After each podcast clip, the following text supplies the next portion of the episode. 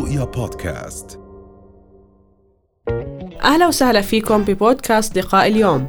حلقة جديدة مع ضيف جديد. خليكم معنا.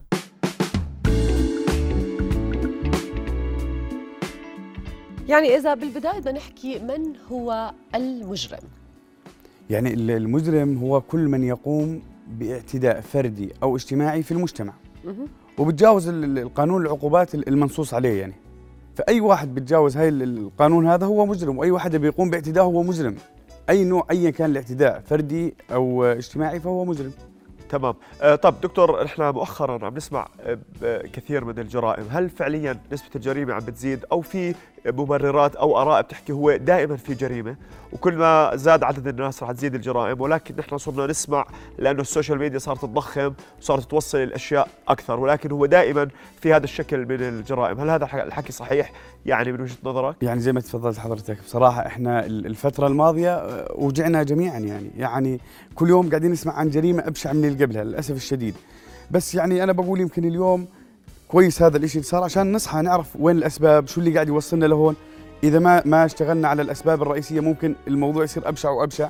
ففي عندنا من الأسباب اللي هي أسباب تشكل السلوك الإجرامي أول سبب اللي هو أو أول دور دور الأسرة.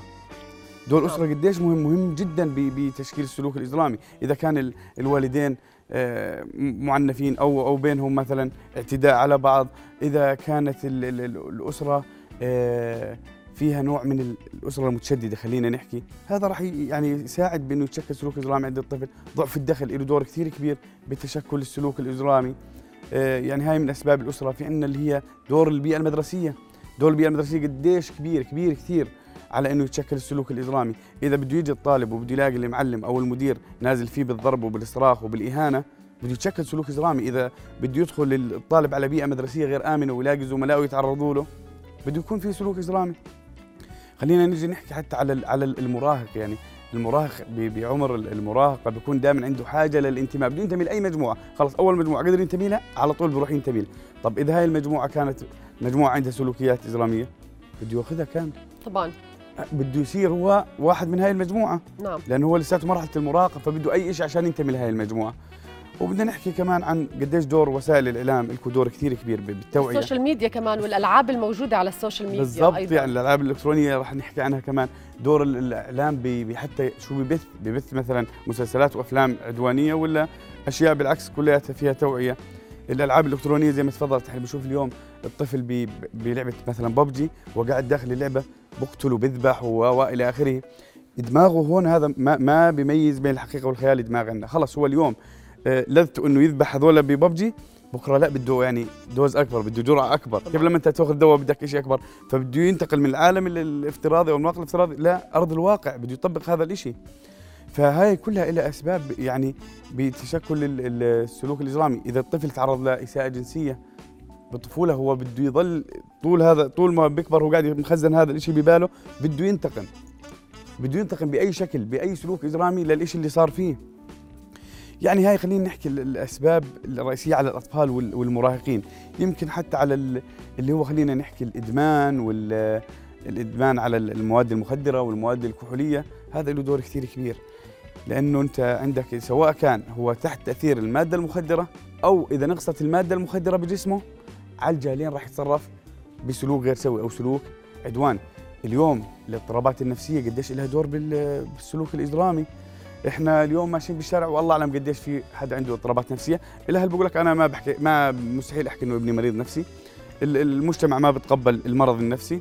الحالة أصلا الوضع المادي ما بيسمح. أصلا للعديد من الأشخاص اللي عندهم اضطرابات نفسية إنه يتوجهوا لل... لل... للأسف. ولكن اليوم ما هو الحل. إذا أنا اليوم كيف بدي أعرف إنه عندنا مشكلة عم تتفشى بالمجتمع وكيف ممكن نحلها؟ الحل أول حل بدنا بده يكون من عندكم أنتم وسائل الإعلام. إذا وسائل الإعلام اليوم اشتغلت على التوعية واشتغلت على إنها تنشر أشياء بتوعي وبتخلي الناس تتقبل الأمر إنه أنت مريض نفسي. عادي إيش المشكلة؟ عادي يعني إحنا نحكي إنه أنا مثلا واحد يحكي معي سكري ما ما عنده مشكلة. بس إنه يقول مثلا عندي اكتئاب كثير بالنسبة له صعب. يقول ابني عنده مثلا خلينا نحكي فصام كثير صعب بالنسبة له. فدور وسائل الإعلام دور كثير مهم به- بهاي القضية. ال- يعني خلينا أحكي مراكز التدريب. المفروض تطرح يعني دورات تدريبية ولو مجانية عشان توعي الناس بهاي الأمور. آه، السلوك العدواني ال- ال- حماية الأسرة لازم كل هذول ال- ال- الجهات هاي تتكفل بموضوع اللي هو التوعية. نعم. طب دكتور في آه، بعض الأشخاص بتبنوا فكرة إنه صار في انهيار عام بالمنظومة الأخلاقية. آه. و- وخلص إحنا ردة فعل خلص كل شيء عم بنهار إحنا حوالينا. فهل فعلا هاي نظريه صحيحة؟ إحنا خليني أحكي لك شوف عندنا المجرم دائما بيلاقي مبررات لنفسه. يعني في مجرم ببرر لنفسه إنه أنا استحقاق. أنا لازم آه هذا حق إلي إني أنا أخذ هذا الإشي. أنا حق إلي إني أنا أكون وكان هو مميز عن باقي البشر. في ناس عنده بنسميها العزو إنه خلص بده يعزي كل الجرائم اللي ترتكبها على أي شيء على أي شيء ثاني. اللي أنا بسويه آه، هو نتيجة هذا الشخص أجبرني أعمل هيك. يعني على طول بدي يعني أنا بعزي عليك هذا. مبرر. أيوه أي مبرر. أو مثلا خلينا نحكي المجرم دائما كمان عنده ترى تفاؤل زيادة بإنه يعني يفلت من ال- من العقاب. دائما هذا موجود إنه أنا ما راح أنمسك. فلو لو تسأل أي مجرم مثلا بعد ما خلص إنه هل كنت متوقع أن تنمسك؟ لا بقول لك أنا كنت كثير مخطط كويس. نعم. ها. أها. تمام. طيب دكتور آه، اليوم ما هي العلامات اللي, اللي إذا ظهرت على شخص عندي بالبيت بمنزلي بحولي سواء بالعمل أو بأي مكان تاني. ممكن أحس إنه هذا الشخص صار في عنده توجه بشكل أو بآخر إجرامي ويجب إنه أساعده لحتى ما يقوم بأي جريمة أو بإيذاء الآخر. يعني ما هو ممكن يكون عندك ترى بالبيت وما يظهرش عليه شيء ها؟ يعني بالعكس ممكن يكون عندك بالبيت فعليا بس ما راح يظهر عليه أي سلوك. هو ال- ال- المجرم يعني عشان نكون بصورة ترى المجرم في له أنواع عندنا مجرم غير سوي وعندنا مجرم. يعني خلينا نحكي لك عن ال- المجرم غير سوي هو المجرم المضطرب حكينا عنه. وفي عندنا المجرم بالصدفة هذا ما قدر يتعامل مع الضغوط بلحظة معينة ارتكب جريمة. لو قاعد عندك بالبيت يعني طول الحياة ما راح تتوقع أولا هو أصلا بتوقع إنه يرتكب جريمة. هو خلص صار عليه ضغوط نفسية ما عرف يتعامل معها. على طول تصرف بطريقة إيش؟ يعني غير حضارية. ف أنت وجوده عندك بالبيت أنت بتقدر مثلا تشوف مين اصدقائه الاقران اللي معه. تشوف تراقبه بالبيئة المدرسية رقابة الوالدين كثير مهمة. الرقابة للوالدين جدا جدا جدا مهمة. عشان هيك بنلاقي الأسر اللي في انفصال بين الوالدين أو وفاة أحد الوالدين آه، بيكون في السلوك الاجرامي أكثر عند عند الأطفال أو عند أبنائهم. نعم. طيب آه إذا بالنهاية إحنا ما بنقدر نكتشف العديد من السلوكيات الإجرامية أو كيف الشخص ممكن يلجأ إلى سلوك إجرامي ولكن عم نشوف بالمقابل أنواع جديدة من الجرائم. هذه الجرائم ربما متأثرة أكثر آه، ب فكرة الاستحقاق يعني مثلا مؤخرا عم نشوف جرائم أشخاص بحبوا آه، يعني سيدات أو فتيات وبدهم يجبروهم إذا ما كانوا موجودين معاهم زي ما شفنا آه، آه، يعني اللي حدث في الأردن واللي حدث أيضا في مصر. هذا النوع من الجرائم ما هو؟ كيف نصنفه؟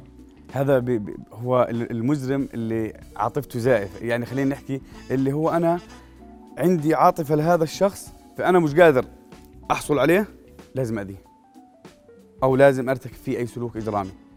فهي هنا آه، عاطفة زائفة. هو بالنسبة له إني أنا آه بدي اذبحه عشان ما حدا ياخذه غيري. هذا حكي صار بأحد الدول العربية من من فترة للأسف الشديد. ف يعني هذا ال- ال- المجرم مشكلته دائما بيحاول يبرر أي سلوك عنده. لا أشياء خارجية زي ما حكينا بالعزو.